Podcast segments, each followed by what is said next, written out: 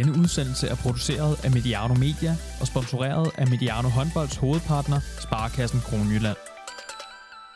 Det har været en fuldstændig vanvittig sæson i Champions League. Corona og covid-19 har sat sit umiskendelige præg på sæsonen. Point er blevet uddelt, kampe er blevet vundet 10-0, dommer er blevet syge, og holdene, de store europæiske hold, er fløjet på kryds og tværs af et sygdomspræget Europa. Og midt i den igangværende sæson blev den tidligere sæsons Final Four afviklet, og man så må sige midt i det hele ved juletid, med THV Kiel som en måske lidt overraskende vinder i en tom arena i Køln. Nu er vi så nået frem til 8. delsfinalerne. Der er stadig 16 hold med, men om lidt bliver det til 8, og derefter til et Final Four. Vi skal tage pulsen på en kaotisk sæson, og vi har en gæst med, der har set det meste. For til at hjælpe os med at få både overblik og indblik, har vi nemlig en særlig gæst med os i dag. Rasmus Bøjsen, velkommen tilbage til Mediano Håndbold. Tusind tak for det, Thomas. Er du øh, klar på at tale lidt, uh, lidt Champions League? Jo, men det vil jeg jo altid rigtig gerne, så uh, det synes jeg. Det havde jeg også på fornemmelsen. øhm, og, og jeg får lyst til lige at starte med, øh, øh, Rasmus, spørge. Jeg ved, du har været i Køln flere gange til Final Four. Hvor, hvor store er dine abst- abstinenser lige nu? ja, men de er jo ganske store, vil jeg sige. Øh, bare i det hele taget at få lov til at se nogle, noget live håndbold, det, det savner man rigtig meget. Og der er ingen tvivl om, for mig der er Køln jo årets højdepunkt, og man øh, får set nogle af de øh, håndboldbekendtskaber, man ligesom har gjort sig sådan en gang om året, får man lov at se dem, og det er jo ofte der. Øh, så det savner jeg selvfølgelig rigtig meget. Derudover er det jo bare altid et højdepunkt. Øh, der, der er altid nogle rigtig fede kampe, og arenaen i, i Køln er helt fantastisk. Øh, så øh, det var selvfølgelig noget, man rigtig gerne ville have oplevet, men øh, det tyder jo ikke rigtigt på, at, at det skal være med tilskuer i år. Og så lige før vi dykker ned i, i sæsonen, så vil jeg have forberedt et lidt hårdt intro-spørgsmål. Og det er simpelthen, kommer Vestbrem og Paris Saint-Germain nogensinde til at vinde Champions League? Jamen, det er jo et godt spørgsmål. Altså, øh, hvis jeg umiddelbart skal svare ja eller nej, så vil jeg jo sige ja. Det er jo to hold, som, øh, ja, Vestbrem har jo lang, en lang tradition øh, for at komme langt i, i Champions League. De har spillet fire finaler øh, siden, øh, eller i det her årtusinde, og ja, har, har været i top 4 10 gange, tror jeg det er. Så øh, det er jo et hold, man ligesom skal regne med, og økonomisk har de en fantastisk ballast. Øh, fantastiske fans også. Man kan sige, at Paris er, er lidt nyere, men, men har også fem øh, top 4 placeringer på, på de seneste otte år, og, og ja, har jo et fantastisk hold, men har aldrig rigtig fået indfriet det her.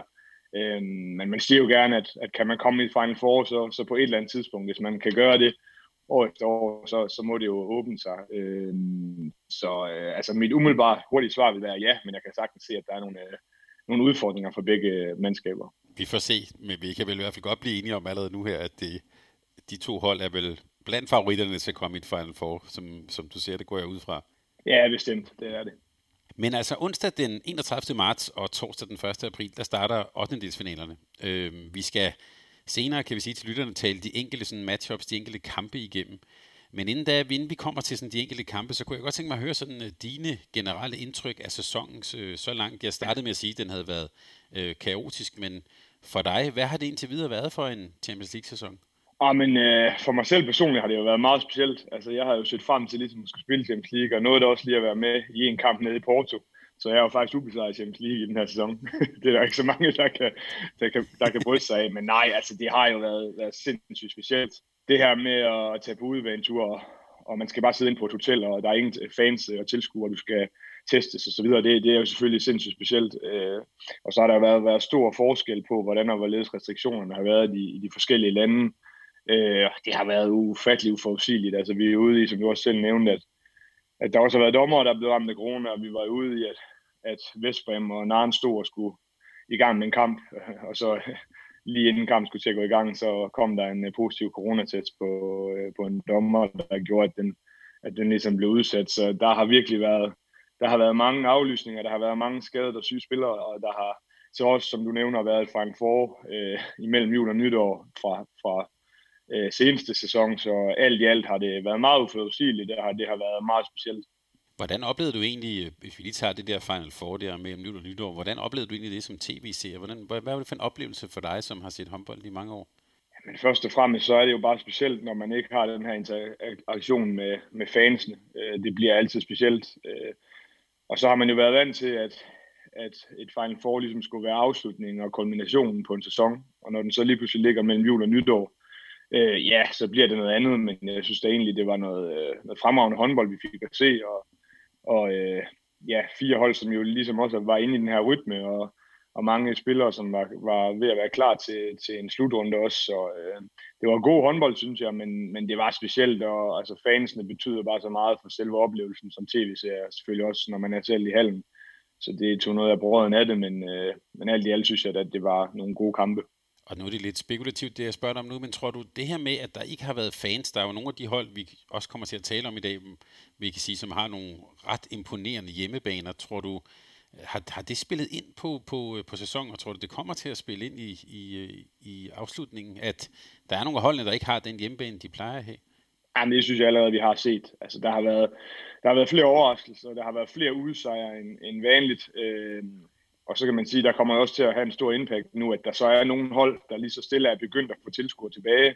Det tror jeg også kan, kan få stor indvirkning på resultaterne i de her, den her knockout-fase. Så øh, ingen tvivl om, at det også ligesom er, er en ting, man skal holde øje med, og, og vi glæder os selvfølgelig til at få fans tilbage i hallerne. Øhm, og man kan også se på nogle af de hold, der tidligere har været rigtig stærke på hjemmebane, de har altså haft problemer med at, at skabe den samme hule og, og de samme resultater på, på hjemmebane i den her sæson.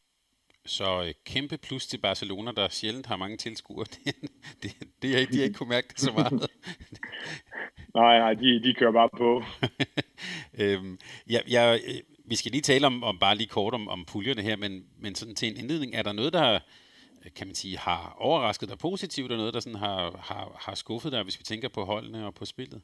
Jo, men jeg synes jo, at der er flere hold, der ligesom har overrasket, end der har skuffet. Øh, jeg synes, at det øh, hold, som vi selvfølgelig kommer tilbage til, Motor Saborosje, som jo øh, har gjort det rigtig godt, fik kun fire point i, i den seneste sæson, og, og har lavet 14 i, i den her sæson, øh, har fået, fået nye træner, og har virkelig, virkelig gjort det godt, og imponeret mig. Øh, har spillet øh, noget moderne og hurtig håndbold. Lidt det samme øh, er issue med, med Meskov Brest, som også er et af de her østhold, som også har, har taget point mod nærmest alle hold. Så synes jeg jo også, at vores øh, egen danske øh, hold med, med Aalborg har gjort det fremragende, øh, har skabt nogle helt vilde resultater, blandt andet vundet ude mod Vestbrand, det må man bare sige, det er, det er dybt imponerende. Øh, og på lidt samme øh, øh breddegrad kan man jo sige, at øh, Flensborg jo også har gjort det rigtig, rigtig flot og vundet deres gruppe på trods af, af mange skader og på trods af et hårdt program i Bundesligaen også. Og så kan man vel ikke kalde det en overraskelse, men at Barcelona ligesom går ubesejret igennem øh, og vinder alle kampe som det første hold nogensinde i, i gruppespillet øh, med det nuværende system, det må man jo også bare sige er imponerende. Og så for at kigge på den anden side, så skuffelser, altså en, en af de ting, jeg har noteret mig, det er jo en af de største skuffelser for mig, det er jo ikke noget med holdene at gøre, men det er det her med, at DHF ikke har haft en, en ordentlig plan for, hvordan og hvorledes det skulle køre med det her gruppespil. Jeg synes jo godt, man kunne have forventet, at det ville have givet nogle komplikationer, som at man ja, inden 3-4 kampe tilbage af gruppespillet, så går ind og ændrer på systemet, hvor alle hold lige pludselig går videre, og, og det ændrer rigtig mange ting på mange af holdene. Det synes jeg bare er ærgerligt. Altså, jeg er godt klar over, at der har virkelig har været nogle komplikationer, og det har været svært, men øh, det havde pyntet, at man havde haft øh, fastlagt noget inden sæsonen, for hvordan og hvorledes man gjorde i de forskellige øh, ja, øh, scenarier. Øh, så det har været skuffen for mig omvendt. Eller så derudover så synes jeg, at Zagreb må nævnes som en helt stor skuffelse. Altså at tage 0 point i, i et gruppespil med de traditioner, de har, med de spillere, de trods alt har. Det har været meget skuffende, og man så også øh, bliver ved med at køre det her galehus dernede, hvor man skifter trænere, som vi andre skifter underbukser. Det er jo heller ikke øh, noget, der befordrer. Så øh, jeg synes egentlig, det har været meget skuffende. Så har jeg været skuffet over resultaterne for sikkert, men det har jo ligesom også en sammenhæng. De har jo været sindssygt hårdt ramt af, af både corona og, ja, og skader, men også øh, den her manglende hjemmebane, som de jo ligesom har haft som deres fort tidligere, så det er egentlig de største skuffelser for mig. Nu nævner du jo, at, at man så næsten øh, midtvejs eller her til slut øh, annullerede næsten lidt sæsonen, eller i hvert fald stillede, sagde, at alle gik videre. Men det her format med 16 hold i to puljer, hvad, hvad, hvad er dine tanker om det? Fungerer det? Øh, umiddelbart nej. Altså, jeg er ikke fan af det. Jeg synes, øh, det giver for mange ligegyldige kampe. Jeg synes, det giver for mange kampe øh, med de samme hold. Øh, man kan jo sige, øh, over en femårig periode, så mange af de her hold, de møder hinanden et utal af gange, og det synes jeg ikke øh, er så fedt. Øh, det synes jeg er lidt kedeligt. Øh, jeg vil meget hellere have, at man gik tilbage til den gamle, gode gamle gruppespilsformat med, med fire hold, som vi også ser i fodboldens League. Jeg synes, jeg synes, det giver noget andet. Jeg synes, at øh, det er også de her nok outkampe, som vi virkelig glæder os til. Øh, jeg synes, det er for langt, øh, øh, forspil, kan man nærmest sige, til de her knockout-kampe. Øh, havde man haft øh, seks kampe i gruppespil med fire hold, så havde man hurtigere kunne komme ind i det her øh, i, de her knockout, i den her knockout-fase. Øh, jeg kan jo godt forstå, at det er jo sådan lidt todel for mange af holdene, som er med i Champions League. De vil rigtig gerne have alle de her kampe, fordi de måske ikke er så hårdt presset i deres hjemlige liga, altså Østholm, øh, Barcelona osv. Øh, vi har også nogle hold, som er i nogle stærke ligaer, selvfølgelig Bundesligaen og, og en franske liga. Jeg synes godt, man kan nævne Danmark i den ombæring, øh, som, jo, som jo også er presset på, på de her kampe, og jeg synes jo, at, at der er for mange kampe for topspillerne i, i verden. Så jeg synes, det er lidt ærgerligt. Øh, det har selvfølgelig ikke gjort det bedre, at man så lader alle øh, holde gå videre på grund af det her coronaværk, men, øh, men jeg kunne rigtig godt tænke mig, at man fik kigget på formatet, øh, fordi det bliver meget sådan nærmest en europæisk liga, hvor man hvor alle møder alle, så øh, ja, det, det synes jeg ikke øh, er så fedt. Jeg tænker også, hvis vi lige, bare lige øh, tænker på dig som, som håndboldinteresseret, som tv-seer, du er selvfølgelig mere interesseret end den normale håndboldtilskuer, men er det næsten også for mange kampe selv for sådan en som dig? Ja, men det bliver det jo næsten. Altså jeg vil sige, øh, jeg kan rigtig godt lide at se rigtig meget håndbold, øh, men jeg vil sige, at her på de seneste år, hvor man har lavet systemet om, så bliver det meget det samme. Altså tidligere, jeg kan huske, da jeg var mindre og sådan noget, hvor man virkelig flere uger så frem til en Champions League-kamp mellem, hvad skal jeg sige, den, den danske mester og så et, et tophold i Europa.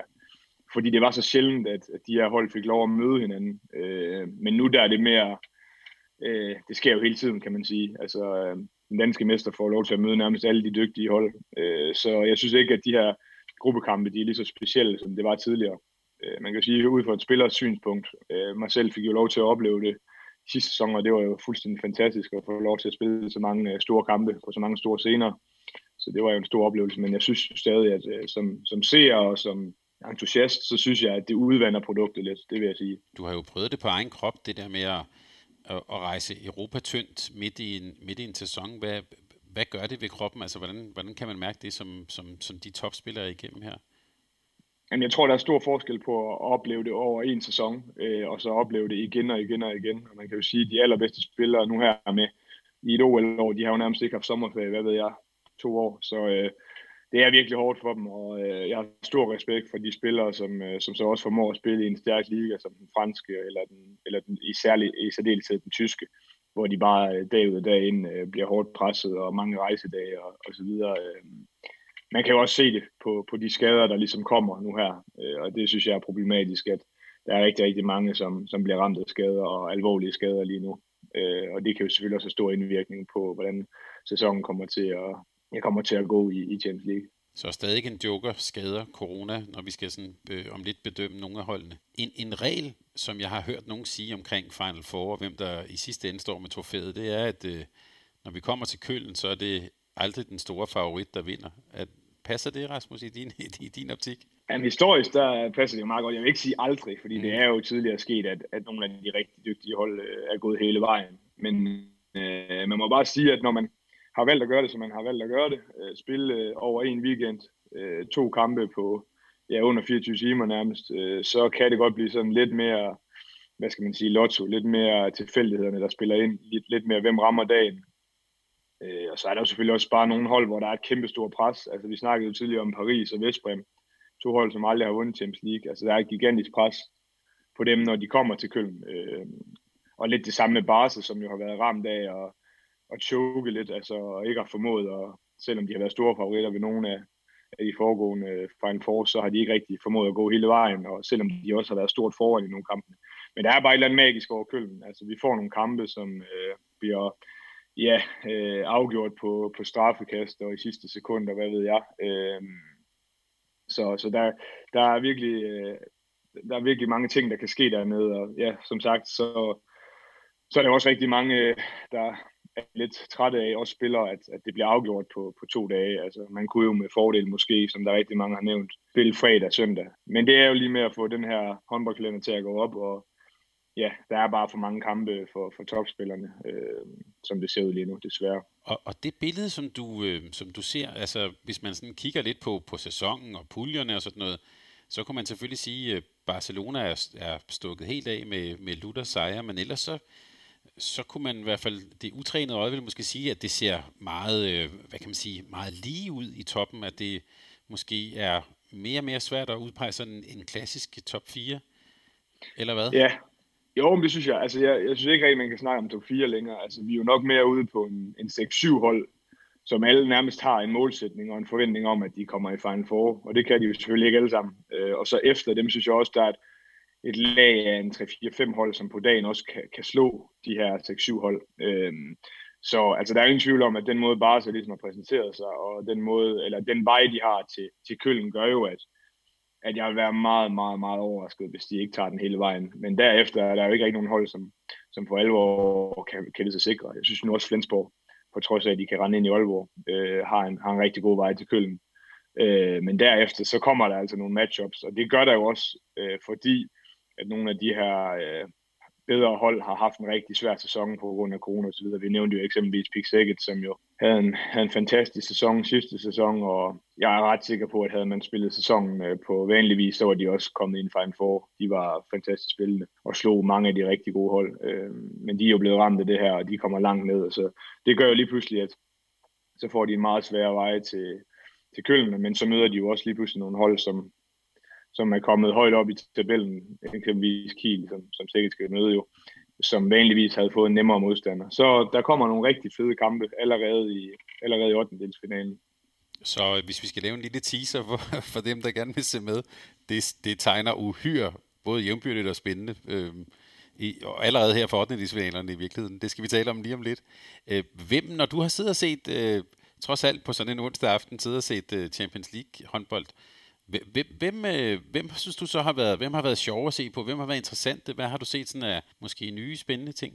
Jo, men jeg synes jo, at øh, der er jo lidt tendenser til, at øh, vi kommer over en, en spansk æra. Altså, der er jo syv af 16 trænere i, i, i øh, Champions League er jo spanier, og øh, de er rigtig gode til at skabe de her spil, hvor man har en fartskabende playmaker, øh, øh, hvor man kører på kontrafasen, hvor man har noget fleksibelt forsvar, hvor man kører meget på to og to aftaler. Øh, så det synes jeg lige har, har været en tendens i, i den her sæson. Øh, ja, så synes jeg jo, at der er nogle spillere, der for alvor har, har vist at, at være rigtig dygtige. Altså, man kan jo snakke om Paris arrangement øh, før og efter Luke Steins, som de var hentet fra Toulouse på en, øh, på en lejeaftale, og som jo virkelig har ændret meget i deres offensive spil. Øh, Raul Gonzalez, som jo er træner, der har jo tidligere haft stor succes i, i Vardar med de her hurtige øh, playmaker, som kan skabe noget fart til, til baks, og der kan man i hvert fald se, at Mikkel Hansen har haft virkelig, virkelig stor gavn af, af en spiller som Steins. Øh,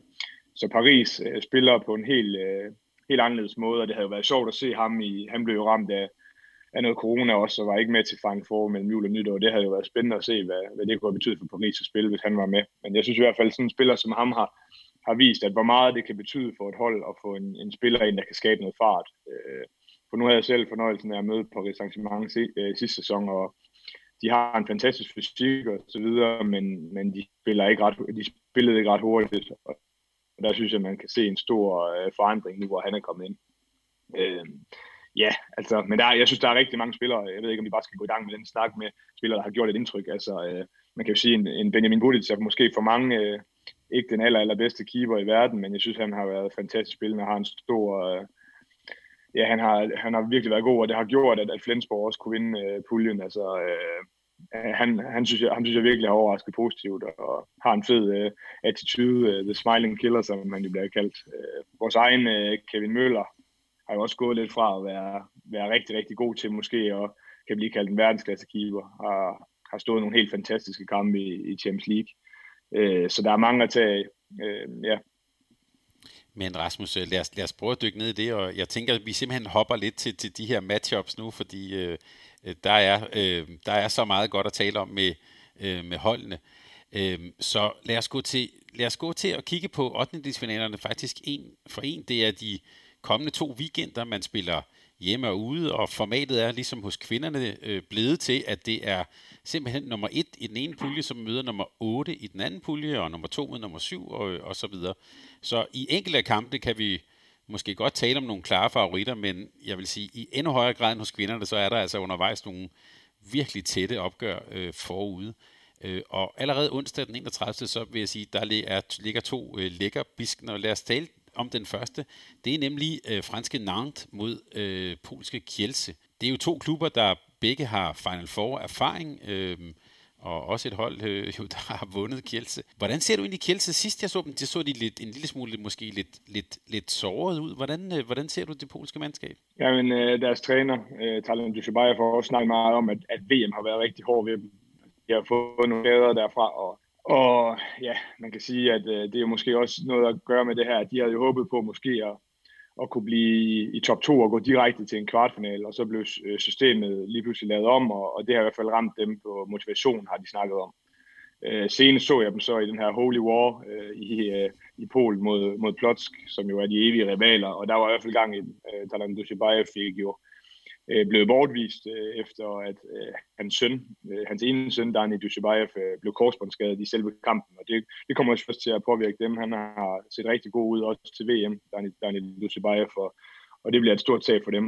Øh, så altså, de har, de har været meget presset og skadet også, og en anden vigtig spiller for dem, Angel Fernandes, som jo er den her dygtige fra Spanien, som blev skadet øh, i bronzekampen til VM, har også været skadet og stadig tvivlsom til kampene mod Nantes. Øh, så øh, ja, men stadig, et, jeg synes virkelig, øh, til tider spiller de virkelig på top, og jeg har også en fidus til dem, jeg siger. Altså, jeg synes, øh, de har et rigtig godt mandskab, øh, mange forskellige spillere, øh, unge spillere, men også rutinerede kræfter. Øh, den helt store offensive øh, øh, spiller er jo Alex Dushibayev, højrebakken, som øh, også er topscorer i, i Champions League, og virkelig en, en spiller, der er farlig en mod en. Øh, og defensivt har de jo også Andreas Wolf, deres anfører, som jo øh, på dag står fantastisk godt. Så jeg synes, de har mange dygtige spillere, altså Kaderlæg og Tornas som strejdu er jo også en fantastisk duo, og to af de bedste i verden, så øh, øh, det, jeg synes, de har et rigtig godt hold, og man må også sige, at Talan Dushibayev jo tidligere har skabt rigtig, rigtig store resultater med det her polske hold. Øh, jeg var jo inden sæsonen rigtig spændt på dem, også fordi de har været nogle økonomiske problemer, og er begyndt at, at sætte lidt mere ungt, og også tage nogle polakker ind, som jo, som jo egentlig også har gjort det ganske fint. Øh, så jeg synes egentlig, at de, deres formkurs ser fint ud, men der er jo ingen tvivl om, at i en kamp mod Nantes, altså, det, det, er en, det er en svær 8. final for dem. Det kan være, at du bare lige kort skal sige, det der Holy War, hvad er det for en kamp, vi taler om der? Jamen, det er jo den her, øh, det her derby, kan man sige, i Polen mellem de evige rivaler fra, fra Kielse og så Wisla Blok. Øh, ja, og den, den, den spillede de jo så her, det var jo så en, en, øh, en semifinal, tror jeg det var, i den polske øh, pokalturnering, så det var jo selvfølgelig en rigtig, rigtig vigtig kamp, og, og Plok har virkelig haft en, en god formkur, og gør det jo også rigtig godt i, i European League, så, øh, så det var en fed kamp at se, på trods af, at der ikke var tilskuere, og man kunne virkelig mærke, at der kom også fire røde kort, så der var jo øh, virkelig gang i det, kan man sige. så der er, ja, jeg tænker, øh, at Kielse, det, sådan op i mit hoved, det er også altid garant for en eller anden form for drama. Det, det kan vi vel næsten også regne med i den her 8. finale.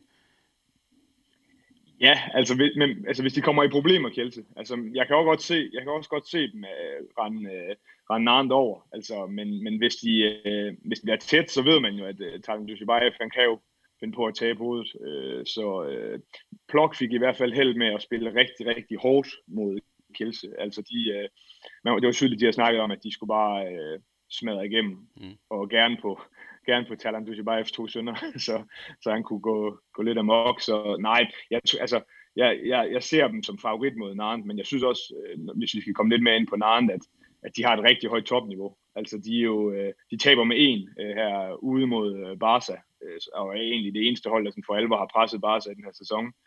Og tager jo, øh, som det kun 8. hold nogensinde, øh, så tager de point både øh, ude og hjemme mod Kiel som man må også sige er, er rigtig flot. Men de har været rigtig meget ramt af skader igennem øh, sæsonen. De er så stille, lige så stille kommet, ved at komme tilbage. Øh, og der er jo den her lidt sjove øh, statistik med Eduardo Gubindo, deres spanske højreback, som jo har været der i en hel del år, og faktisk har været der i alle de sæsoner, hvor Nantes øh, har været med i Champions League. Øh, altså i de 64 kampe, som øh, Nantes har spillet i Champions League, der har han så været med i 50 af dem og øh, der er det blevet til 28 sejre og 8 uafgjorte, og et pointsnit på 1,28 per kamp. Så har han så også haft en del skader og, og været en del væk, og har haft 14 kampe, hvor han ikke har været med.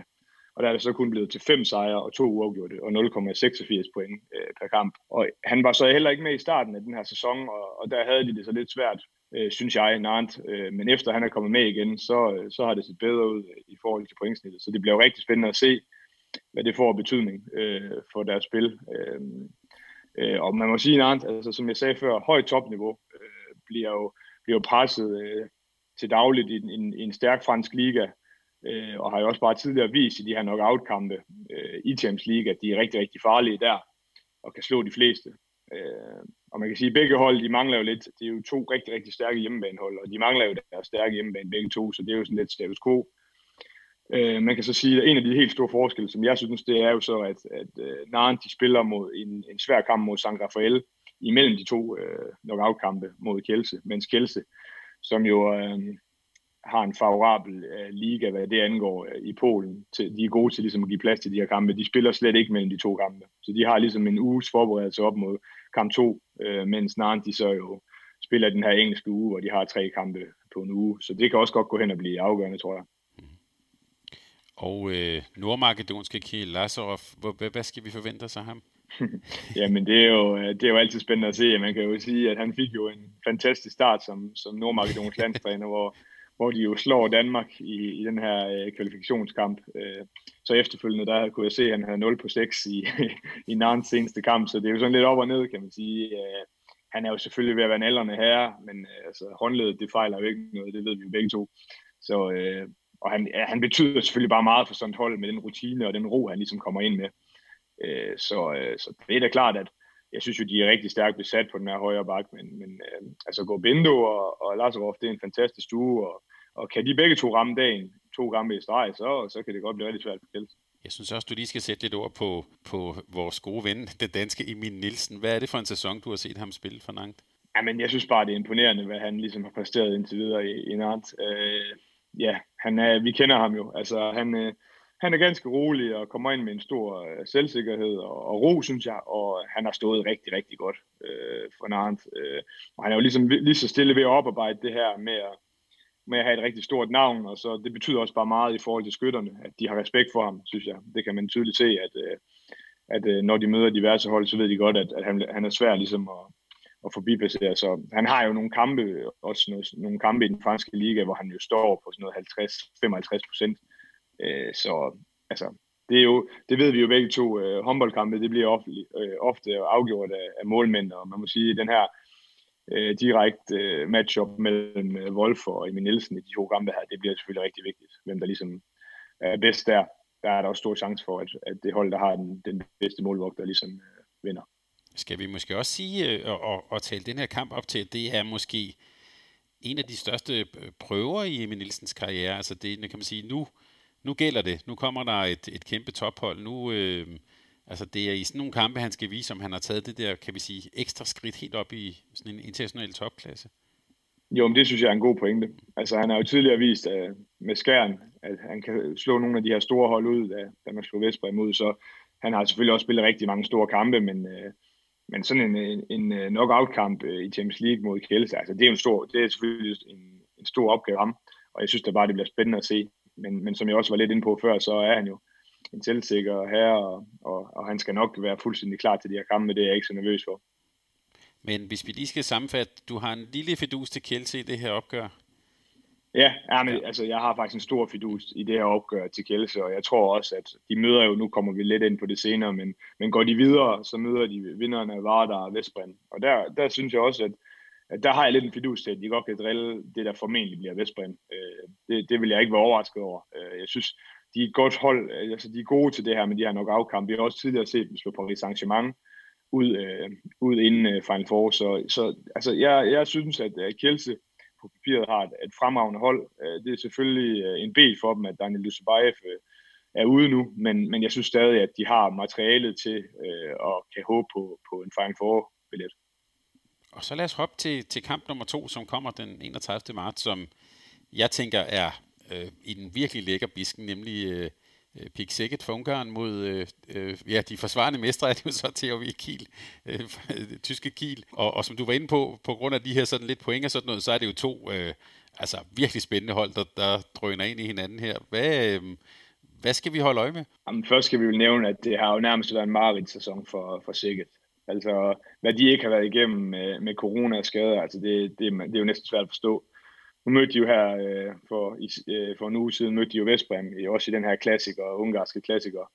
Og der kan jeg jo nævne, at der var de uden øh, Machovsik, Van Hidi, Henigman, Depantic og Kasparik, som alle sammen var skadet. Så var deres anden streg Rosta, eller tredje streg Rosta, han var syg. og så var Bodo Radivojevic, Kaneljas og Stranovski ude med, med corona, øh, og så var Vujen, han, Vujen, som de jo så har hentet ind på den her paniktransfer, vil jeg næsten kalde det, han, var, han må så ikke spille i, i den ungarske liga, han må kun spille i Champions League. Så de var jo, de var jo, der var kun syv spillere fra, fra det normale hold, øh, første hold, der var med der. De fik egentlig spillet en rigtig fin kamp og, og gjorde det over al forventning, vil jeg sige. Men, men det har egentlig været toneangivende for deres sæson, at de har været sindssygt hårdt ramt, både af skader og, og corona. Og der er jo de her lidt specielle coronaregler i Ungarn, hvor man, hvor man nogle gange skal sidde i karantæne i, i flere måneder. Så, øh, så det, der bliver man selvfølgelig rigtig hårdt ramt øh, af sådan noget. Men så fik de så en vigtig sejr her senest øh, mod øh, Tatabania, hvor de gik i, i Final Four i den ungarske øh, pokalturnering. Så det, den tror jeg, den var vigtig for dem, ligesom for at få tro på tingene. Og de begynder også lige så stille at få flere og flere spillere med. Øh, men jeg er i tvivl om, hvor mange de når at få med mod, mod Kiel. Og der er i hvert fald en del af de spillere, jeg nævnte før, som helt sikkert er ude. Øh, så, så det bliver selvfølgelig svært. De mangler også deres rigtig, rigtig stærke øh, hjemmebane. Men de har en, en, en af, synes jeg, de bedste trænere i verden i Juan Carlos Pastor, som jo den her spanske øh, træner, som jo virkelig er dygtig, og som, som godt kunne have nogle S'er i ærmet. Så det, det glæder jeg mig til at se, men, men man bare sige, altså Sækket, som jeg også var inde på i, i indledningen, øh, var jo måske det bedste hold overhovedet i, i sidste sæson i Champions League, synes jeg i hvert fald.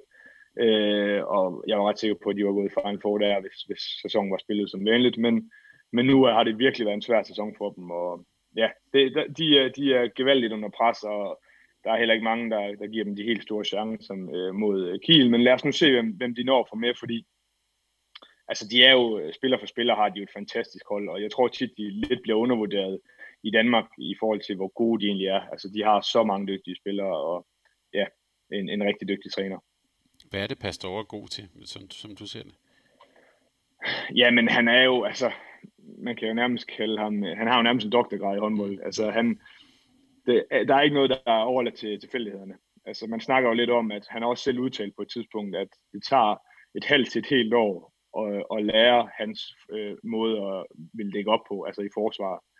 Øh, alt det er fuldstændig inkorporeret. Øh, det er jo lidt den her spanske måde, man dækker op på med, med baks, som det bliver lidt nørdet, men som dækker den omvendte vej af, hvad vi øh, normalt gør i, i Skandinavien. Altså de prøver at få rigtig mange skud ind i midten af banen. Øh, så, øh, og det, det er sådan lidt øh, specielt at, at spille mod. Øh, det kan være rigtig svært. Og så har de jo bare nogle spillere, øh, han har jo fremelsket nogle spillere, som øh, har lov til offensivt øh, at være kreative. Altså der er det jo selvfølgelig øh, nærliggende at nævne en, en, øh, en Bombac, som styrer rigtig meget af deres offensive spil, og som har et fantastisk samspil med, med Benji Banhidi, som jeg synes er verdens bedste stregspiller lige nu. Øh, så øh, han har jo formået at bygge op, og han har også, det har også virket til, at, at øh, ledelsen i Pixel har givet ham tiden. Altså han har jo været der en hel del år efterhånden, har givet ham tiden til lige så stille at bygge det op.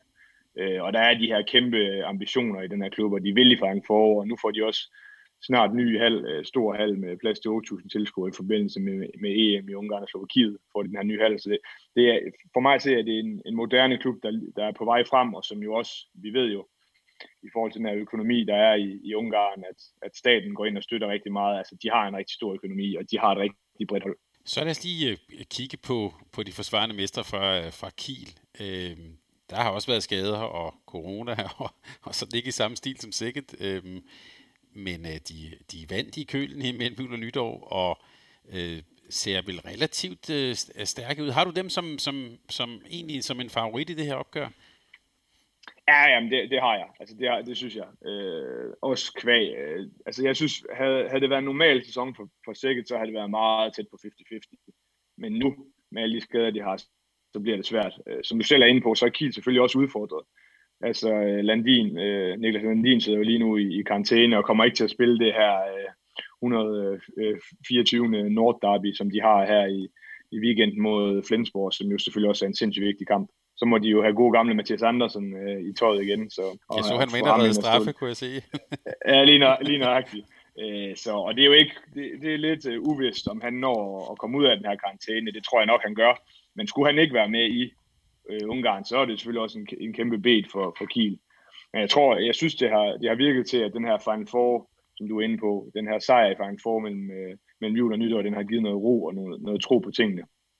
Øh, altså, de, de har jo fantastisk hold, og, og tilførelsen af Sander Sargussen har selvfølgelig også haft en positiv indvirkning, øh, som jo, synes jeg, er den mest komplette spiller i verden. Øh, men jeg synes også, det er værd at kigge på den her forskel, der er, fordi øh, i, i antallet af kampe lige nu, fordi Kiel er jo rigtig ramt af både at have været inde i, i noget øh, karantæneperiode, og de har været, selvfølgelig haft rigtig mange spillere med i den her landsholdspause, men, men siden den øh, 21. februar, der har de spillet 11 kampe. Øh, og i samme, øh, i samme ombæring, i samme periode, der har sikkert altså kun spillet 6. Så, så, så det kan også godt have stor indvirkning, og, og den her, det her pres, der er i, i Bundesligaen, det gør jo bare, at øh, de er hårdt presset, og de har den her vigtige kamp øh, inden kampene mod sikkert mod øh, Flensborg, som reelt set kan være med i hvert fald til at afgøre det tyske mesterskab. Og vi ved jo også fra tidligere, at, at Bundesliga-holdene, det er bare vigtigere for dem. Øh, det kan godt være, at det lyder sjovt, men det er bare vigtigere for dem at vinde Bundesliga, Bundesligaen, end det er øh, at vinde Champions League. Den kamp der øh, mod Flensborg, den bliver rigtig, rigtig vigtig. Og så må vi så se, hvem de, om Landin når at blive klar til kampene mod, øh, mod Sækket. Men, men jeg synes overall, øh, som det ser ud lige nu, så, så bør Kiel have holdet til ligesom øh, at kunne slå Sækket over to kampe. Øh, Niklas Landin har jo lige forlænget sin aftale med, med Kiel og sådan noget, hvor, øh, og det bliver sådan lidt på et skala spørgsmål, hvor, hvor vigtig er Landin egentlig for, for Kiel, og, hvis, og sådan deres muligheder for os at kunne komme hele vejen til Køln? Jamen altså, det, det er jo lidt en kliché, men målmændene, de er jo bare ufattelig, fattelig vigtige for, øh, for holdene. Altså, har du ikke en god målmand, så når du ingen vegne, øh, og Niklas Landin er vel sagtens verdens bedste målmand, så det er jo en, en ret stor fordel øh, at have ham, og man kan sige, at tidligere har Kiel jo været begunstiget af at have to top, top målmænd, altså i, i Niklas Landin og Andreas Wolf. Øh, nu der har man så Dario Quinstedt, som jo stadig er en rigtig fin målmand, stabil målmand, men han er jo ikke, ja, han er i hvert fald ikke top 10 i verden. Så, så selvfølgelig er man måske på den baggrund lidt mere øh, afhængig af, at, at Niklas Landin gør det godt, end man tidligere har været. Lidt, vi giver fordel til Kiel på den her, øh, Rasmus. Det, øh, det, det, det synes jeg ligger lige for. Så lad os gå til, til, til den tredje kamp, og det, den vil jeg simpelthen udnævne som øh, den her, de her 8. finalers absolute hipster-opgør. Øh, fordi det her ukrainske Motor Zaporozhye mod hviderussiske Meskov Brest, øh, når man lige hører navnene, så tænker man, det er måske ikke sådan den mest, hvad skal vi sige, sexede af de her 8. 8. finaler. Øh, men du har allerede været lidt inde på, at det her kan måske være en, et, et virkelig spændende opgør. Hvad, hvad, hvad, hvorfor skal vi overhovedet se den her kamp, havde han sagt? Jamen først og fremmest så måske fordi der er tilskuere. Altså det er jo, øh, begge, begge hold de øh, spiller jo i, i nogle lande, hvor det åbenbart er okay at, at smide lidt tilskuere ind i hallerne. Så det er jo altid fedt at se. Det synes jeg, det giver noget. Og man har også set nogle af de her kampe nu her, blandt andet, blandt andet Aalborg i motor. Altså det giver bare noget andet, når der er nogle tilskuere. Øh, og så synes jeg, at øh, hvis vi først tager motor, altså det er jo for mig årets overraskelse, som vi også var lidt inde på før. de fik fire point i, i Champions League sidste sæson, og, og i år har de lavet 14. Og de har virkelig været gode til at vinde de her must-win-kampe mod de her hold, som ligger under dem. Øh, jeg er virkelig imponeret over, hvad Savikynas, øh, den her litauiske øh, træner, som tidligere har været træner i, i Cox, har gjort ved det her hold. Altså, de spiller virkelig med fart, de spiller ja, moderne, vil jeg kalde det. Altså, de, de, er, de går virkelig mod mål, og de har nogle rigtig spændende spillere. Altså, Bokhan, ham her, den unge hviderussiske stegspiller har, har været en stor åbenbaring for mig, ligger også rigtig højt på, på topscore-listen, på trods af, at han er, han er stegspiller og ikke tager straffe. Øh, ja, 67, 67 mål har han faktisk scoret. Øh, ja, ja, er nøjagtigt. Altså, han, og hvis vi skal bare gå lidt ind på ham, altså han kan lidt det hele, relativt komplet. 2 meter 3 høj, stadig rigtig bevægelig i begge ender af banen. Øh, det er godt op, øh, fint med i, i kontrafasen. Så han, ham tror jeg altså virkelig kan blive spændende, og det er jo helt vildt, at Hvide Rusland har øh, både ham og Kaderlek øh, på holdet må man sige, at øh, der er fremtiden lys.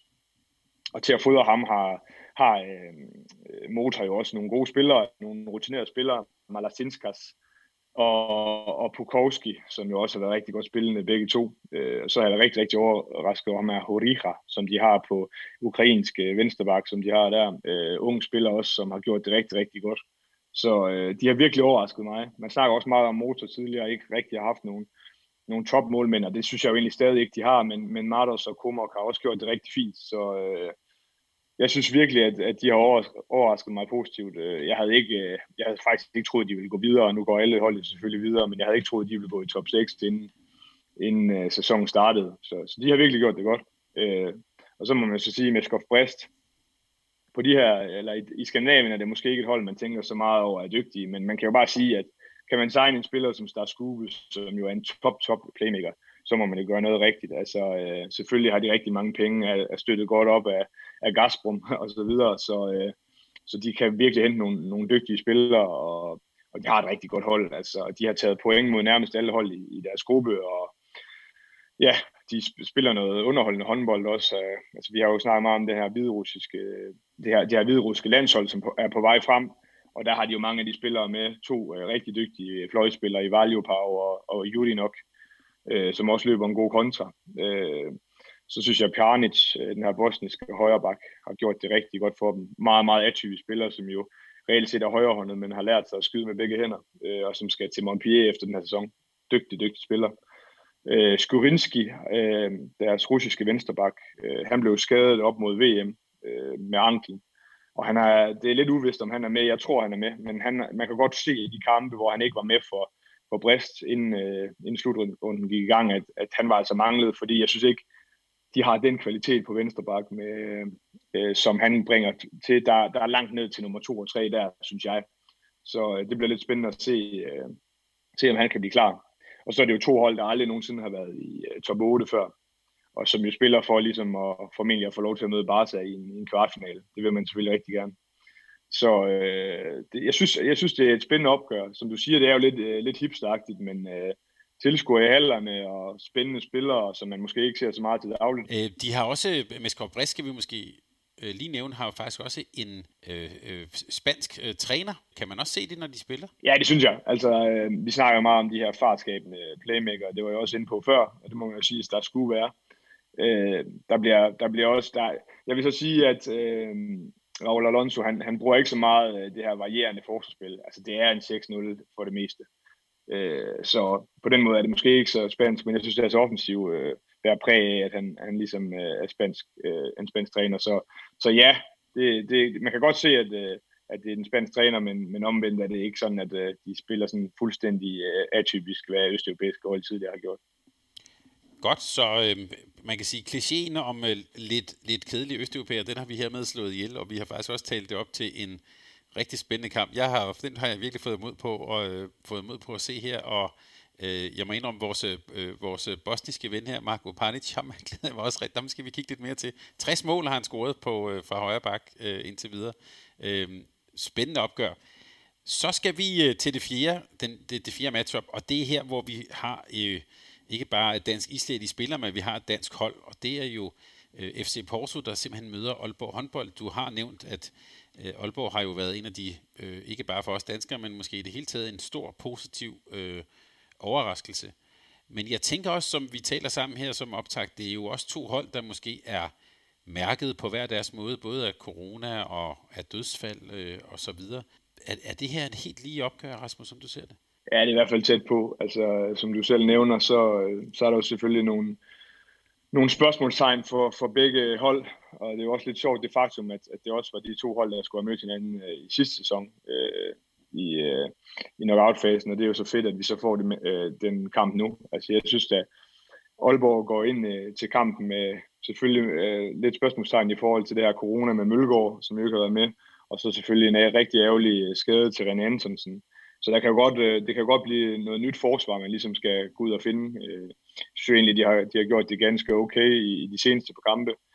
Øh, men altså, det, lad os sige, Mølgaard er ude, og René Antonsen også er ude, så, så er der godt nok et, et stort ansvar på eksempelvis en spiller som Magnus Saustrup, som jo har spillet en rigtig, rigtig stor sæson. Øh, så, øh, men jeg synes, at Aalborg har bare vist i rigtig mange kampe, at når det skal afgøres, så er de skarpe. Og der kan man så måske selvfølgelig argumentere for, at Mølgaard også har en stor aktie i det. Men jeg synes stadig, at, øh, at de bare har, de, det har bare virket som om, at når kampen afgør, skal afgøres, så har de været rigtig dygtige. Selvfølgelig har, har de noget, øh, de har måske lidt manglende erfaring, nogle af spillerne i de her knockout-kampe, og, og jeg har jo kæmpe stor respekt for de øh, præstationer, som Aalborg har leveret i gruppespillet, både i år og også øh, seneste sæson. Men vi må også bare sige, at det er bare noget andet, når man kommer ind i de her nok afkampe. Altså, det har et andet liv. Øh, det er en anden måde, man skal spille på øh, ofte, øh, fordi hver eneste mål øh, tæller. Så manglende erfaring i kampene, det kan selvfølgelig af, blive afgørende, men det kan man jo også argumentere for, at rigtig mange af Porto-spillere har. Og der er jo ingen af klubberne, der tidligere har været i, i top 8 før. Så øh, det bliver spændende. Øh, jeg tror at selvfølgelig også, Porto er jo mega ramt af det her forfærdelige dødsfald, som øh, kubansk, kubansk øh, portugisiske øh, Quintana er ude for. Det har jo selvfølgelig været sindssygt hårdt for hele truppen. Jeg var på deres vegne ufattelig glad for, at øh, Portugal formåede øh, at, for, at kvalificere sig til OL. Det synes jeg var, var, var fantastisk for dem, og ja, man, hvis man kan sige, en god afslutning på, på det hele der. Og der er jo selvfølgelig øh, rigtig mange af de spillere, der spiller på det portugisiske landshold, spiller til daglig i Porto. De har jo selvfølgelig også ville hente en, en øh, afløser ind i stedet for Quintana, og det er jo så blevet Martin Shekeli. Øh, ham her, øh, den ungarske målmand, som var lidt til i Vestbrem, var tredje målmand der. Og han, øh, de spillede øh, en seneste kamp i den portugisiske liga mod Madeira. Øh, der havde han 10 redninger i, i anden halvleg og stod på 48 procent. Så det var selvfølgelig en rigtig god start for ham ligesom i klubben, og det bliver selvfølgelig også vigtigt, at, at de kan få oparbejdet et, en, en god øh, målmandstue igen med, med ham. Øh, og, og øh, den nordmakedonske landsmålmand øh, også. Så, øh, så de har jo stadig selvom Quintana han havde noget x-faktor og virkelig var vigtig, så har de stadig to rigtig øh, fine målmænd der. Så har de jo øh, en svensk træner, som du kender den danske liga rigtig godt i, i Magnus Andersson, som jo selvfølgelig også har et indgående kendskab til Aalborg, det er klart, og har, har virkelig revolutioneret øh, måden, man spiller på i, i Porto, og i, i det hele taget faktisk lidt i, i portugisisk håndbold. Altså, det er jo meget det her 7 6, som øh, man har, man, der har gjort, at man øh, er kommet frem. Øh, det er selvfølgelig kvæg nogle spillere, som også er rigtig dygtige i det her spil. Rui Silva, som er deres playmaker, som øh, ja, er den helt store kreatør. Øh, så har man jo nogle rigtig dygtige stregspillere også, særligt øh, i Ituritza, som jo har en kæmpe stor fysik, kommer også oprindeligt fra Cuba. Der har de flere spillere, der gør. Men jeg synes stadig også godt, at man har kunne se, at et, øh, holdene bliver bedre og bedre til at spille mod det her 7 6 spil. Man vender sig mere og mere til det. Og to, så mangler de uh, Alexis Borges, som måske var deres aller, allerbedste spiller i sidste sæson, og som er skiftet til Montpellier. Der, der synes jeg godt, man kunne se, at tabet af ham, det har, det har været dyrt. Uh, fordi han også har noget af den hårdhed, som der skal til defensivt. Det synes jeg, de har manglet uh, lidt i den her sæson. Men de har rigtig, rigtig mange dygtige spillere uh, på, mange på, mange altså på næsten alle positioner. Jeg synes, de er lidt udfordret på deres højre bak, men ellers har de rigtig mange dygtige spillere, og jeg synes, at de ligger også ganske fint til Aalborg. Jeg tror, de kan blive to rigtig, rigtig, dygtige, eller rigtig, rigtig gode kampe. Så, så det er jo selvfølgelig også selvfølgelig med dansk islet, så er det en af de kampe, jeg glæder mig allermest til at se. Og du har jo så, som du nævnt, du har jo, været, du har jo slået Porto i Porto. Ja. Hvordan ja. gør man det? Jamen nu vil jeg først og fremmest sige, at jeg var ikke på banen, så, så jeg ved ikke, hvor meget jeg havde øh, at sige. Den. Jamen, det var jo selvfølgelig specielt, fordi det var første Champions League-kamp. Første gang øh, uden de her tilskuere, og det var meget specielt. Øh, altså, det Elvum gjorde, var jo, eller som vi gjorde, det var jo ligesom at gå op i en 5-1 øh, med Lyga Balo, og det, det kunne Porto slet ikke øh, styre. Og, og så vandt vi, så vi var bedre med en 4-5 stykker til pause, men så fik vi vendt det fuldstændig i anden halvleg. Og det har jo også været, været lidt øh, Portos problem, synes jeg. Altså, jeg synes, de ligger en rigtig god plan A, men, men skal de ud i noget plan B, så kan det godt være lidt svært for dem. Øh, og der bliver det jo spændende at se, om, en god Stefan Madsen og Anna Adlersen har noget i, i posen til os at se, om, hvad de kan finde på. Også særligt, hvis det er sådan, at, at der mangler et par spillere i forsvaret. Om, og man kunne forestille sig, at ja, vi ved jo, at Magnus Saustrup er rigtig dygtig ud i den her 5-1. Det kunne jeg i hvert fald godt se kunne være en game changer, hvis, hvis det normale forsvar ikke øh, fungerer. Så det, er det også et hold, sådan, øh, det kunne i hvert fald godt være det indtryk, jeg sidder med, som, altså, som man kan ryste lidt. Øh, altså, de kan jo utrolig meget, og også individuelt, men det, det, nogle gange så har man også lidt fornemmelsen af, at de, øh, altså, det er et hold, der er til at ryste, hvis man for, ja, for eksempel laver en plan, plan B eller C, eller tager nogle initiativer.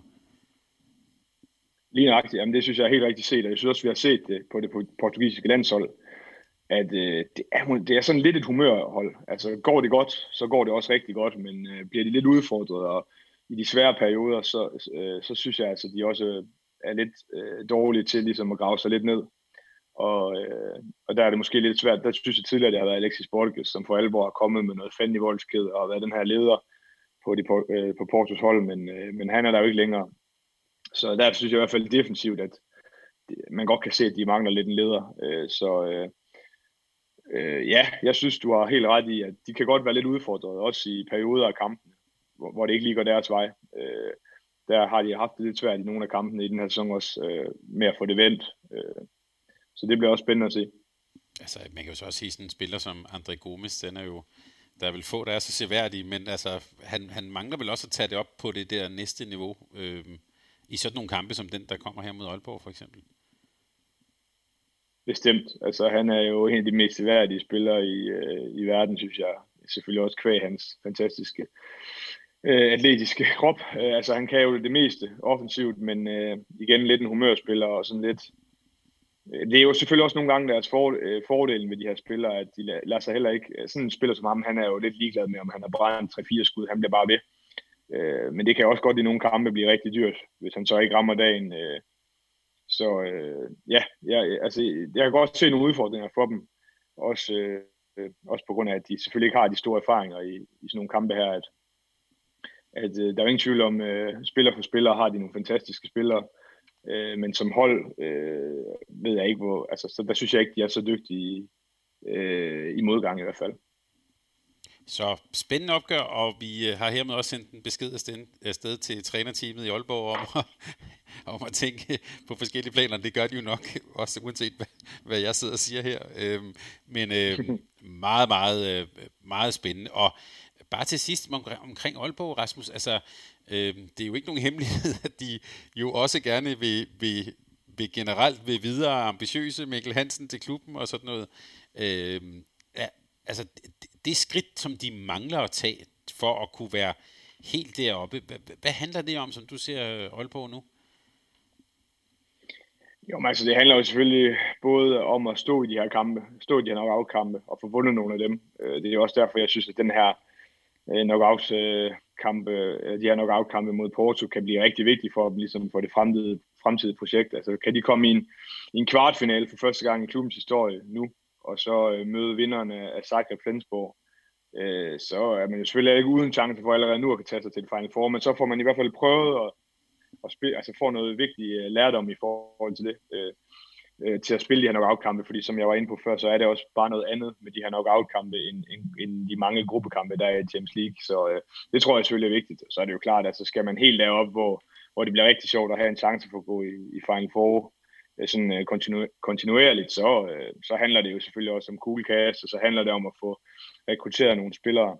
Men det er klart, det er nemmere at rekruttere spillere, hvis man kan bryste sig af at have en, øh, en top 8-placering i, i Champions League, end hvis man ikke har det. Så det hænger jo selvfølgelig lidt sammen det hele, men øh, altså, jeg tror, det vil være rigtig vigtigt for det fremtidige projekt, øh, hvis man kan formå at slå Porto ud over to kampe. Det krydser vi fingre for.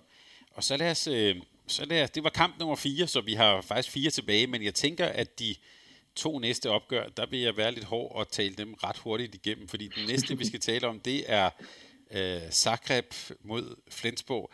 Og jeg synes egentlig bare, at vi bare skal tale om, Rasmus, hvem er egentlig træner for Zagreb nu? Jamen det er Ivica Obravan, som jo også tidligere har været det som den 12. træner siden 2016, og den tredje øh, træner i den her sæson efter Vore og Sola.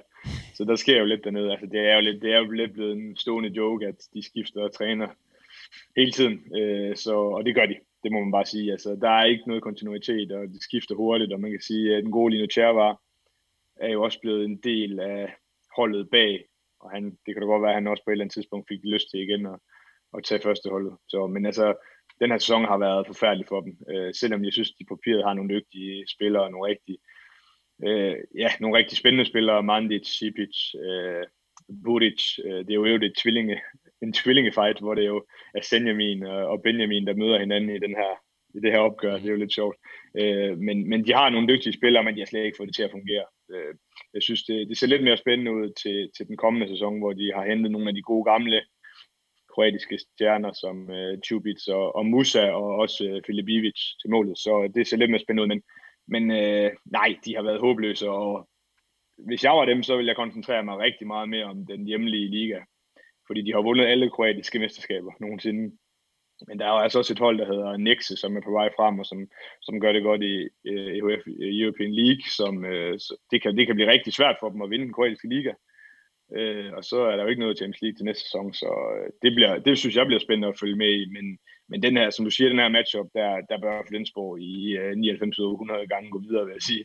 Også selvom at, øh, ja, de selvfølgelig er lidt ude af kampform. Jo. Seneste kamp var den øh, 7. i 3. mod, mod Minden, så det er jo ved at være noget tid siden, de har spillet. Og også selvom, at de har to meget, meget vigtige kampe, altså selvfølgelig den her kamp, som vi snakker om med Kiel inden, men også imellem de to kampe møder de Magdeburg på udebane, som jo er det mest formstærke hold i, i Bundesligaen.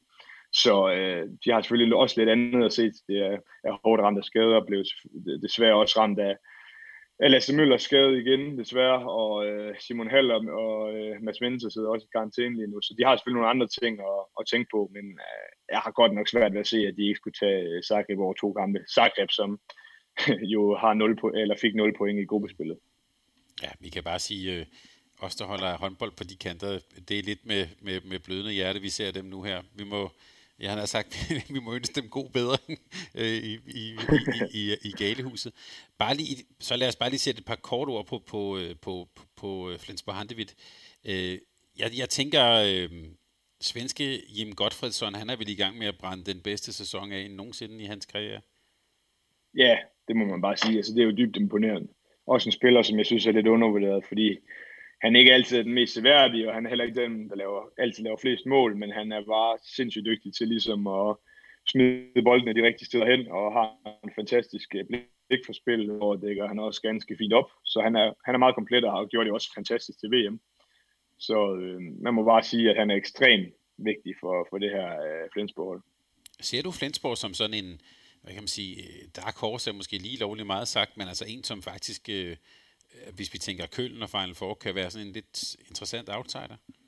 Ja, jamen det gør jeg. Altså, jeg synes også, deres vej, som vi var inde på før, til Final Four er, er favorabel, og det er jo selvfølgelig også, fordi de formåede at vinde gruppespillet. Øh, så altså, slår man Zagreb, så møder man jo så vinderen af Porto og Aalborg, og så skulle det undre mig, at hvis man ikke går i, i en Final Four. Øh, og så har Flensborg jo tidligere vist, at er man underdog i, i sådan et, et Final Four, så kan man også gå hele vejen. Øh, og derfor, dengang formodede man i hvert fald i den grad at have marginalerne med sig. Så øh, altså, som vi begge to ved, altså, når man først går i Final Four, så kan alle holde vinde, øh, undtagen Vestbrem og Paris. Var det ikke, var det ikke sådan, de sagde? så, ej, men jeg, jeg, synes, jeg, jeg har været virkelig imponeret, vil, bare lige for at slutte, jeg har været virkelig imponeret af Flensborg. Jeg synes virkelig, de har gjort det godt. Også på trods af, at de har været sindssygt hårdt ramt af, af diverse skader, så har de bare spillet fremragende både Champions League og Bundesligaen. Og det var, ja, 2014, det var det, vi første gang også så Hampus Vande, som også er i gang med en kæmpe sæson, øh, i hvert fald ja. på, den, på den helt store scene. Øh, slog Kiel i finalen. det, kunne ikke være, ja, det kunne ikke være mere symbolsk. øh, men lad os, øh, lad, os, lad os egentlig bare hoppe videre til den, og tage en anden kamp, hvor der også øh, må, må sige at være en stor favorit. Det er nemlig øh, din tidligere klub, øh, Norske Elverum, mod øh, ja, det det absolute suveræne hold i år, nemlig øh, FC Barcelona. Øh, har din gamle klub overhovedet en chance i, i det opgør? Nej, Nej. Altså, det, på, på ingen måde. Altså, nu er det jo også blevet sådan, at øh, kvæg øh, de ret voldsomme restriktioner, der er i Norge nu, så skal begge kampe så også spilles i Palablaugrana i, øh, i Barcelona. Det gør det jo ikke nemmere, når man så kan gå ind og kigge lidt på nogle statistikker, der siger, at siden øh, 12-13 sæsonen i Champions League, der har Barcelona tabt én kamp på hjemmebane mod Løven, Renækker Løven i 17-18, altså i, i 67 kampe. Mm. Og de har tabt otte gange i 163 kampe i alt i Champions League. Altså, og så kan man så se, at øh, ja, inden nederlaget mod, mod Kiel i, i Final Four øh, mellem jul og nytår, der, der havde de 22 sejre i træk, hvilket jo er all-time øh, rekord i, i Champions League, både for, for ubesejrede kampe i træk og, og sejre i træk. Så altså, de har, altså, Elvum har ikke nogen chance, men øh, altså, de er jo det første norske hold, der er kommet i knockout-fase i Champions League, og det bliver en kæmpe stor, øh, ja, det bliver en kæmpe stor, hvad hedder det, fornøjelse for dem at spille de her kampe, det tror jeg godt, man kan sige, og de er jo også uden, fuldstændig uden kampform, hvilket jo også er problematisk, altså de seneste kamp var den fjerde i tredje, fordi at, at den norske liga jo ligger helt stille på grund af corona de valgte jo også lige at være næsten en måned på det her Eurotrip, hvor mm. de tog rundt øh, omkring i, i hele Europa og spillede kampe. Øh, på grund af de her restriktioner, og Abelou må jo ikke engang opholde sig i, i Norge lige nu. Han sidder nede på et hotel i Paris og venter på, at de skal spille nogle kampe i øh, Champions League igen. Øh, så, men jeg synes jo egentlig, at de har gjort det rigtig, rigtig fint. Øh, altså vandt jo i Porto, som vi var inde på, har slået øh, Meskov Brest og ja, spillet uafgjort ude mod Vardar, så tabte kun med et mål hjemme mod Flensborg. Så der, altså, de har gjort det fint, og jeg vil også sige, at vi spillede mod Barcelona i sidste sæson. Øh, og der i de to kampe, der lukker vi 30 og 33 mål ind, og det var, øh, det var rigtig fint. Og, og altså, den måde, man ligesom kan frustrere Barcelona på, det er jo ligesom ved at trække tempoet ud, fordi de gerne vil spille i det her fuldstændig vanvittige tempo. Og kan man få lidt, øh, altså det er jo rigtig, rigtig svært, men det havde vi egentlig øh, rimelig stor succes med i sidste sæson. Så øh, men, men derfra så at tage vinde over to, i to kampe over Barcelona, det er der ikke chance for. Altså, det, øh, det bliver en på opleveren for Elvum, og så ikke mere. Men det. Og så vil jeg bare sige, så man kan altid sætte sig ned og kigge lidt på Josef Pujol. Det plejer at være meget sjovt. I øvrigt, Barcelona, var, det var der, hvor du var en farlig kontraspiller, var det ikke det? Jo, det var på hjemmebane mod ja. Barcelona. Ja. ja, jeg, fik, jeg fik lavet to, uh, to på to. altså, det var faktisk en, altså, det var en af de største oplevelser, jeg har haft. Jo. Så, vi var med hele vejen, og, og ender så med at tabe med fire, men øh, det var rigtig, rigtig sjovt. Godt. Vi, øh, vi tillader os at være også sende Barcelona øh, pænt videre her på, øh, på hjemmebanen i det katalanske. Så har vi to kampe tilbage, øh, og der kan vi måske skrue lidt op, øh, lidt mere for, for hjembyrdigheden. Øh, eller i hvert fald kan man sige, den første er jo øh, en en, øh, jo en tidligere vinder, øh, et spændende hold fra Slovenien, nemlig Selje, øh, som så møder øh, øh, giganten øh, Paris Saint-Germain. Øh, ja, PSG har vi allerede talt om, selvfølgelig kæmpe øh, favoritter. Jeg synes lige, du skal sætte lidt flere ord på det her med, hvad Luc Steins har gjort for, øh, for, for det franske hold. Hvordan, øh, hvordan træder de frem med ham på holdet?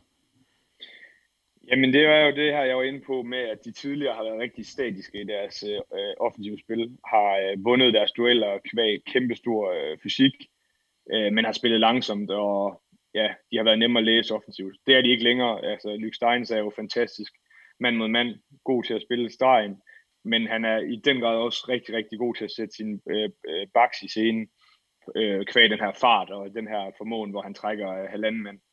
Øh, så det har gjort, at sådan en spiller som eksempelvis Mikkel Hansen har haft meget nemmere ved at komme til skud.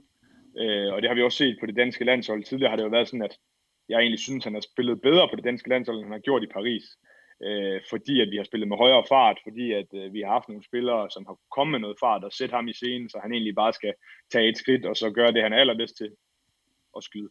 Og det er egentlig også det, der er sket i, øh, i Paris. Og man kan sige, at det samme er jo egentlig tilfældet med, med spillere som Remeli og i særdeleshed øh, uh, Christopans øh, på den anden øh, bak. Kan de komme på første skridt, så er de rigtig svære at styre.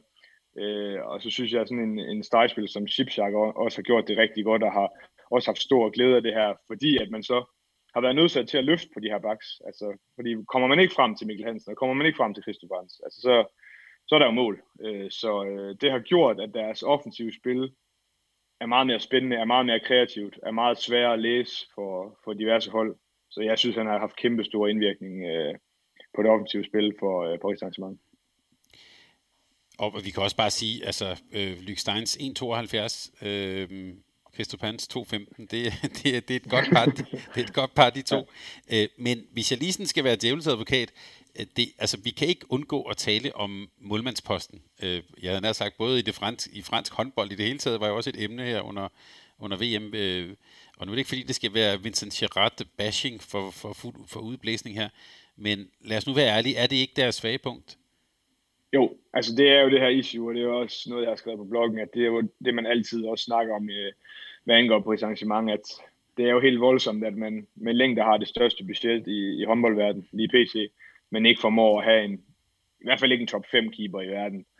Øh, alt er respekt for Gerard, som jo også vandt øh, Champions League med Montpellier. Han har jo, han har jo vist, at han kan gøre det. Øh, men han er ikke helt deroppe, øh, hvor det er rigtig sjovt, synes jeg.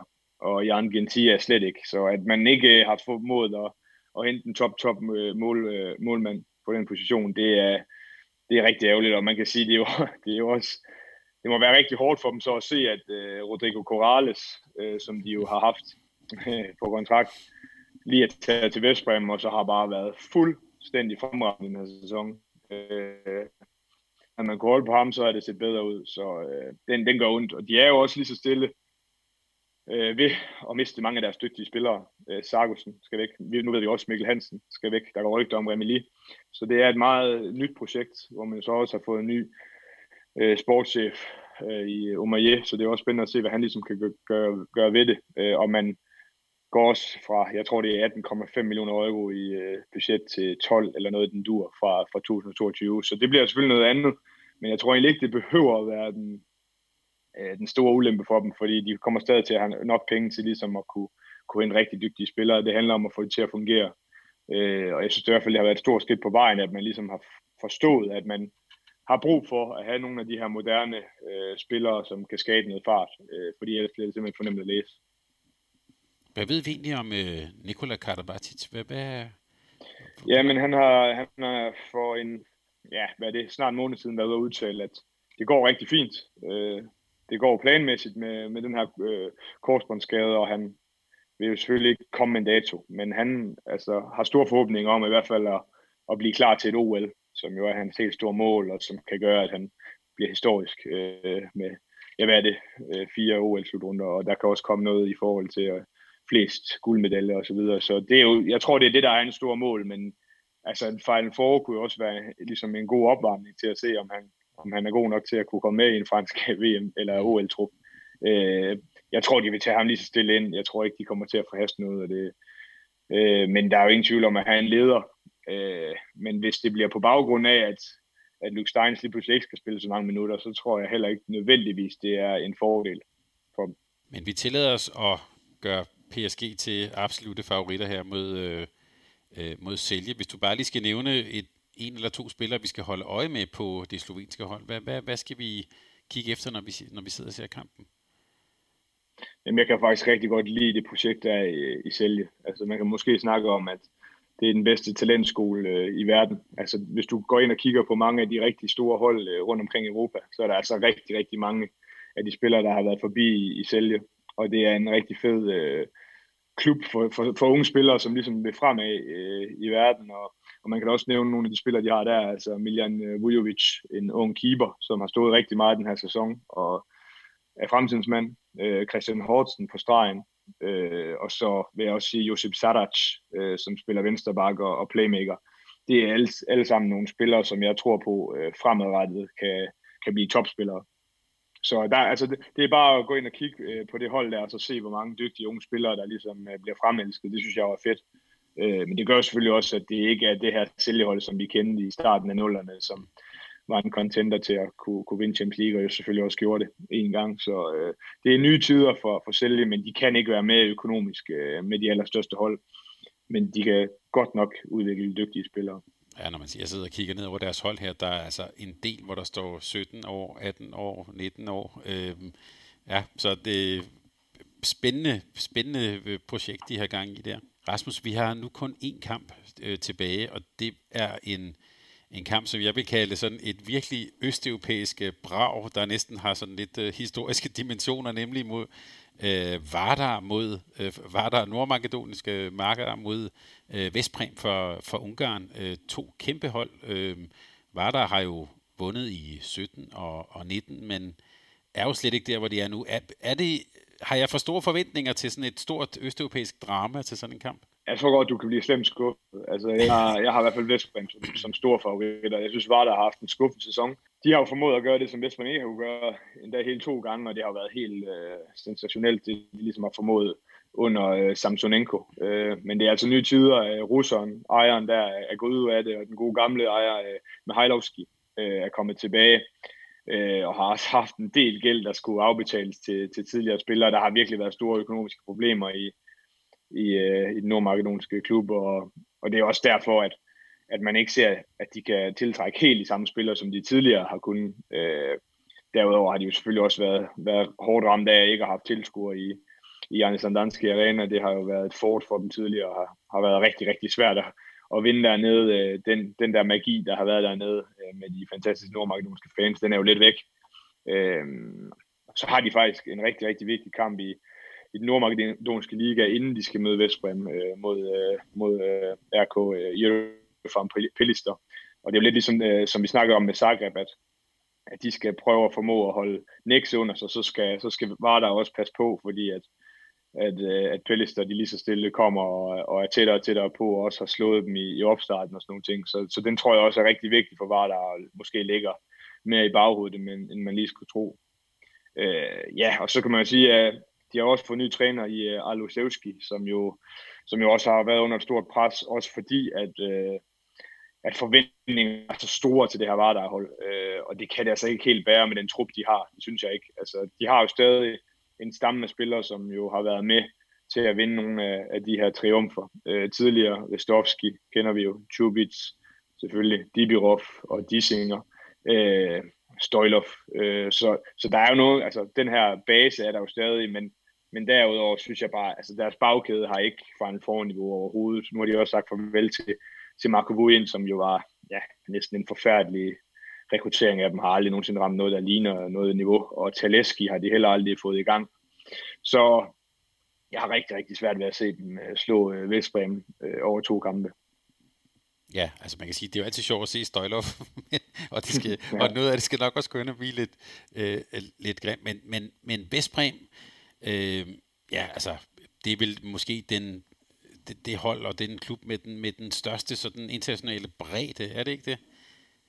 Jo, det, altså det er jo det, man har meget har snakket om tidligere, at de har haft de her 22-23 spillere øh, på kontrakt. Øh, jeg tror så kun, kun det er 20 øh, spillere i den her sæson, men altså de har jo et, et virkelig bredt hold, men det er jo også måske det, der nogle gange har været lidt deres ulempe, at der er rigtig mange stjerner på holdet, og det her hierarki, det er jo svært at finde.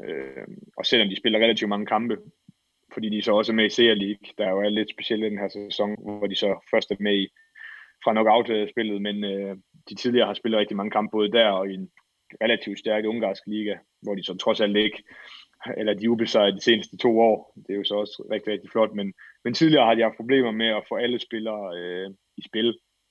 I år har selvfølgelig været lidt specielt, også fordi der har været corona, og der har været nogle skader. Rasmus Laugav desværre ude med en alvorlig knæskade, øh, men men der er stadig spillere, der ikke rigtig har nogen øh, plads på holdet. Øh, Markusen er jo meget on and off, har jo aldrig nogensinde fået, selvom øh, han har spillet nogle Champions League-kampe, sådan, så har han aldrig fået det der flow, øh, kampflow, og ikke for alvor kommet ind på holdet. Øh, Kantang Mahé har jo heller ikke så stor en rolle, øh, kvæg, at man ligesom har nogle andre playmaker, som også er rigtig, rigtig dygtige, Nenadic og øh, i, i Lekai. Øh, så jeg tror, det der, det, der er vigtigt for Vestbrem, det er, at hierarkiet er på plads, og det, det virker til, at det er blevet bedre nu. Øh, øh, og så synes jeg, det virker som om i den her sæson, at de virkelig har prøvet at skrue tempoet i vejret. Altså, de, øh, det er jo det, det her med mange af de dygtige klubber, for eksempel Barcelona, men også Vestbrem, går ind og kigger på, hvor mange sekvenser man kan få offensivt og defensivt. Jo flere øh, bolde man kan få, jo større chance er der selvfølgelig for at at lave flere mål end, end en modstander, som måske er der underlegen. Øh, så det har jo det har ty- været tydeligt, at David Davids ligesom har prøvet at, at kigge lidt mod Barcelona, man har gjort der, og prøvet at putte rigtig meget tempo i kampen også. Og det kan man selvfølgelig også, når man har så mange dygtige spillere, som de har. Øh, så øh, altså, men det er jo en klub, der, som vi også var inde på øh, tidligere, har, altså, har været en fast bestanddel af, af verdenstoppen øh, ja, i, i rigtig mange år, 20 år efterhånden. Så øh, det er jo altid nogen, man skal, man skal tro på, og, og de har det jo med de har jo været minimum i semifinalen i, siden 2013-14 sæson, ud over den sæson, så hvor skærn slog dem ud i 17-18. Så de er altid deroppe, øh, men de er jo selvfølgelig også ramt af, at, at den her mangler hjemmebane, øh, og har jo også leveret nogle lidt overraskende resultater øh, på hjemmebane, blandt andet slog Aalborg dem jo. Al respekt for det, men, men havde det sket med en, med en fyldt Vesper Arena, det, det er jeg ikke sikker på. Så øh, de, de er også ramt af, at de, de mangler her hjemmebane, men det er mange af de østeuropæiske hold jo selvfølgelig. Og nu er vi næsten lidt tilbage med mit første spørgsmål, om de nogensinde vinder Champions League, men jeg kan også spørge på en anden måde. I, i din optik, hvad, hvad mangler de for at kunne ja, endelig vinde det her uh, trofæ, som de uh, som, uh, som, som jo er det store mål. Det har Rasmus Lauke også fortalt os her på Mediano håndbold for en måneds tid siden. Er, er, det, er det marginal, eller hvad, hvad, hvad mangler de, som du ser det? Ja, men det er jo også marginaler. Altså, vi skal jo huske på, at øh, mod Kjelse, øh, ja, ja. Nu, nu, nu husker jeg ikke lige året øh, eksakt, men der var de jo foran med syv mål midtvejs i anden halvleg, og så går klappen jo bare ned, og de var jo allerede i gang med at fejre de ungarske fans, men, men det er jo også bare det, der er så magisk ved Final Four, at der kan alt ske, og det kan gå rigtig, rigtig hurtigt.